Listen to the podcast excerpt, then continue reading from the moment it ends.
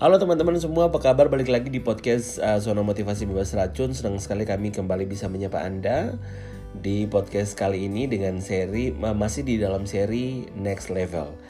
Nah, buat teman-teman semua seperti biasa kami berharap teman-teman semua dalam keadaan baik, sehat, dan bahagia tentunya. Namun, kalau ada teman-teman yang dalam keadaan yang kurang baik, ada something in your life, in your heart, Mudah-mudahan dengan mendengarkan podcast Zona Motivasi Bebas Racun, teman-teman bisa mendapatkan semangat yang baru, insight yang baru, motivasi yang baru, dan dorongan yang baru untuk terus maju dan optimis untuk meraih masa depan kita semuanya. Yay! Oke teman-teman berbicara soal next level kali ini saya mau membahas sedikit tentang self design atau mendesain diri sendiri. Nah, kalau bicara soal desain, pikiran saya atau mungkin kita akan langsung mengarah kepada desain bangunan, kemudian desain produk ataupun desain ah banyak hal yang didesain. Tapi um, kalau kita melihat dari segi desain saya sangat tertarik sekali dengan dunia arsitektur meskipun saya bukan seorang arsitek. Jadi ada banyak sekali bangunan-bangunan yang impresif, yang unik, yang megah di dunia ini. Bukan hanya di bagian luar saja tetapi di bagian dalam begitu dan itu beda-beda dan masing-masing punya kesamaan yaitu reason kenapa dibangun dan yang kedua adalah tujuan bangunan itu dibangun. Jadi teman-teman ini menjadi sebuah hal yang sangat penting ketika orang mendesain sesuatu penting untuk melihat why and the purpose, the reason and the purpose, alasan dan tujuan bangunan itu dibangun. Nah, kemudian dari mana bangunan itu awalnya dibangun? Dari semua bangunan yang impresif di dunia ini, semua berasal dari dalam kepala seseorang It start from someone's head, someone imagination. Bayangkan teman-teman dari sebuah imajinasi kemudian menjadi sebuah building yang sangat luar biasa membuat kita terkagum-kagum. Nah, bagaimana dengan hidup kita?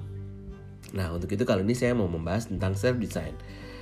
Kita langsung saja ada beberapa hal yang mau saya bagikan. Yang pertama adalah what kind of life I want. Apa uh, hidup yang sebenarnya saya mau untuk saya hidupi untuk masa depan saya.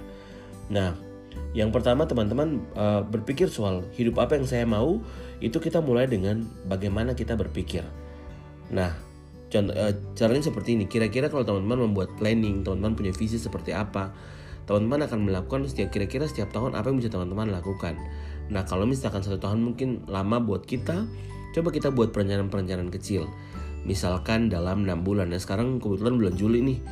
Teman-teman coba bayangkan dari Juli sampai Desember 2020 nanti kira-kira the coolest uh, hal menarik apa yang kira-kira bisa teman-teman bisa kita sama-sama bisa kita lakukan untuk hidup kita masing-masing apa sih yang bisa kita capai apa sih yang bisa kita lakukan contohnya 6 bulan ini saya mau supaya uh, berat badan saya turun misalkan 10 kg dalam waktu 6 bulan nah itu tuh bisa kita bisa bayangkan kalau misalkan berat badan berkurang itu uh, apa yang akan terjadi mungkin lebih sehat ataupun kita bisa menargetkan untuk oh uh, jualan saya harus meningkat sekian, bisnis saya harus mengalami peningkatan, viewer saya di YouTube harus mengalami peningkatan gitu ya. Buat sebuah target kecil yang membuat kita uh, punya imajinasi, punya bayangan uh, tentang bagaimana di dalam waktu terjangka waktu tertentu kita uh, bisa menjadi apa, apa yang bisa meningkat dalam diri kita.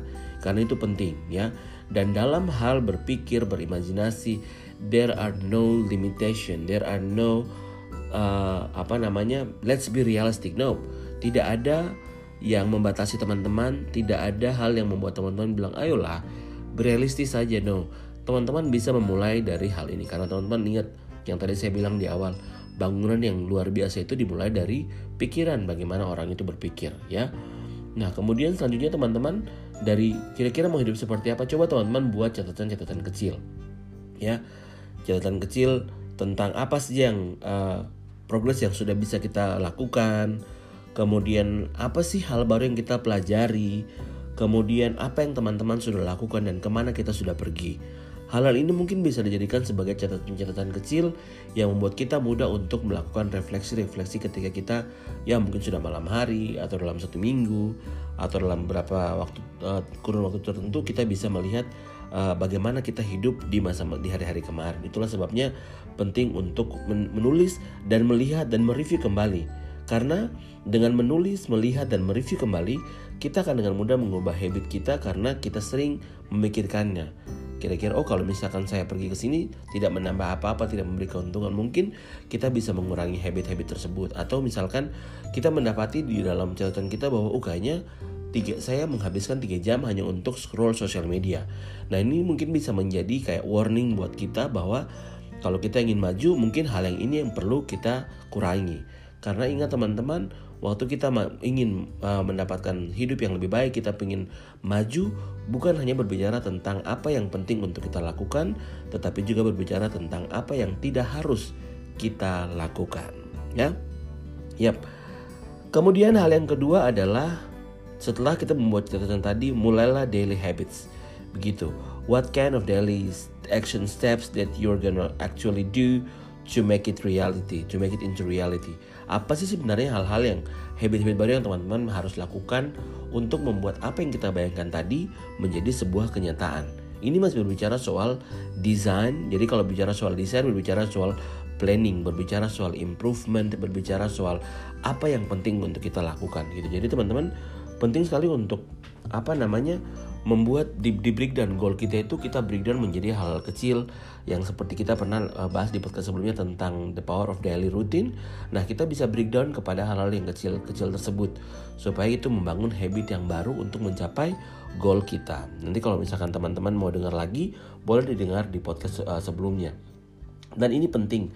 Kenapa kita uh, balik lagi karena kalau daily habit, daily habit itu membantu kita untuk sejenak melupakan goal besarnya dan melakukan hal-hal kecil untuk mencapai goal tersebut, which is penting. Contohnya, teman-teman mungkin berkomitmen untuk, oke, okay, hari setiap hari saya mau bangun jam sekian, berdoa, sholat dulu, kemudian olahraga. Atau misalkan uh, di sela-sela waktu kerja habiskan 20 menit untuk pergi ke gym atau misalkan teman-teman bisa memikirkan untuk oh seminggu sekali saya mau bertemu dengan like minded people orang-orang yang berpikir sama dengan saya sehingga kita bisa mendiskusikan hal-hal yang membuat kita sama-sama berkembang ya. Ya jadi kayak besi menajamkan besi manusia menajamkan sesamanya kita perlu untuk menjadi tajam menjadi runcing untuk uh, membuat hidup kita uh, mengalami peningkatan demi peningkatan. Ya nah hal ini nih um, di uh, sangat penting karena ini bisa bisa menjadikan seperti mastermind. Artinya kita punya pola berkomunikasi, kita membuat sebuah pola untuk bertindak gitu. Jadi kita tidak tidak menjadi orang yang bertindak asal-asalan gitu teman-teman. Dan kalau misalnya kita bisa bikin rutin itu baik. Namun kita tentu saya sebagai manusia kan ada hal-hal yang mungkin tidak uh, unexpected uh, accident atau unexpected event, hal-hal yang mungkin tidak kita rencanakan kemudian terjadi itu bisa saja terjadi di uh, dalam kehidupan kita. Nah, jadi mungkin kita punya daily habit bisa sedikit mengalami perubahan karena hal-hal yang hal-hal tadi tersebut karena tanggung jawab pekerjaan atau mungkin ada hal-hal dalam hidup kita yang tidak bisa kita hindari itu bisa kita lakukan. Jadi dalam hal ini kita boleh lebih fleksibel ya. Untuk yang ketiga, uh, what is the follow through? Apa yang kita uh, apa yang terjadi di, di dalam kehidupan kita kita bisa mengikuti semua prosesnya. Jadi kayak kita bisa melihat uh, daily habit tadi kita coba tracking tuh. Kira-kira kalau misalnya sudah tiga bulan kalau dari menulis uh, catatan kecil menulis refleksi apa yang sudah kita kita lakukan ke belakang tadi. Nah kita bisa mengikuti proses ini pro, uh, apa namanya proses melihat kembali ke belakang apa yang sudah kita uh, lakukan begitu. Kemudian dalam melakukan dalam perjalanan itu kita bisa melihat kalau misalkan ada sesuatu yang tidak berjalan sesuai dengan apa yang kita mau ataupun misalkan ada yang tidak beres, ada yang mengganggu. Nah, ini ini bisa dengan dengan cepat kita atasi. Namun ingat ketika kita mau menuju ke langsung dalam fase ini kita penting untuk mengingat goal kita. Nah, kalau tadi kan di fase-fase yang kedua, oke okay, kalau gitu kita melupakan sejenak untuk goal dan kita break into actions. Nah, tapi kalau dalam hal kita uh, apa namanya menjal menjalaninya, kemudian kita mulai melihat kembali apa yang sudah kita lakukan, penting buat kita untuk pada tahapan ini melihat goal kita ke mana, sehingga ketika sesuatu hal terjadi di luar kendali kita, kita bisa punya tadi reason and purpose. Kenapa saya melakukan ini? Tujuannya untuk apa? Hidup seperti apa yang mau saya jalani? Memang tidak mudah, tetapi mari kita mulai bangun uh, pelan-pelan. Dalam hal ini kita akan banyak mela, apa namanya melakukan uh, refleksi-refleksi tentang apa yang sudah kita lakukan dan teman-teman sediakan waktu untuk melihat seberapa jauh kita sudah melangkah. Sehingga waktu kita sudah melangkah kita tahu bahwa benar-benar apa yang kita lakukan uh, bisa bermanfaat buat kita. Kita bisa dengan uh, melangkah sehingga menjadi dekat dengan uh, hidup seperti apa yang mau kita jalani di masa depan kita entah setahun lagi, lima tahun lagi, atau enam bulan lagi yang kecil-kecil, teman-teman bisa bikin apa setting goal setting yang kecil untuk hidup boleh sekali. Tetapi ingat teman-teman, um, self design itu penting karena kalau teman-teman bisa mendesain apa pun kehidupan teman-teman, teman-teman bisa kita semua bisa menjadi seperti apa yang kita rindukan. Semoga bermanfaat. Salam.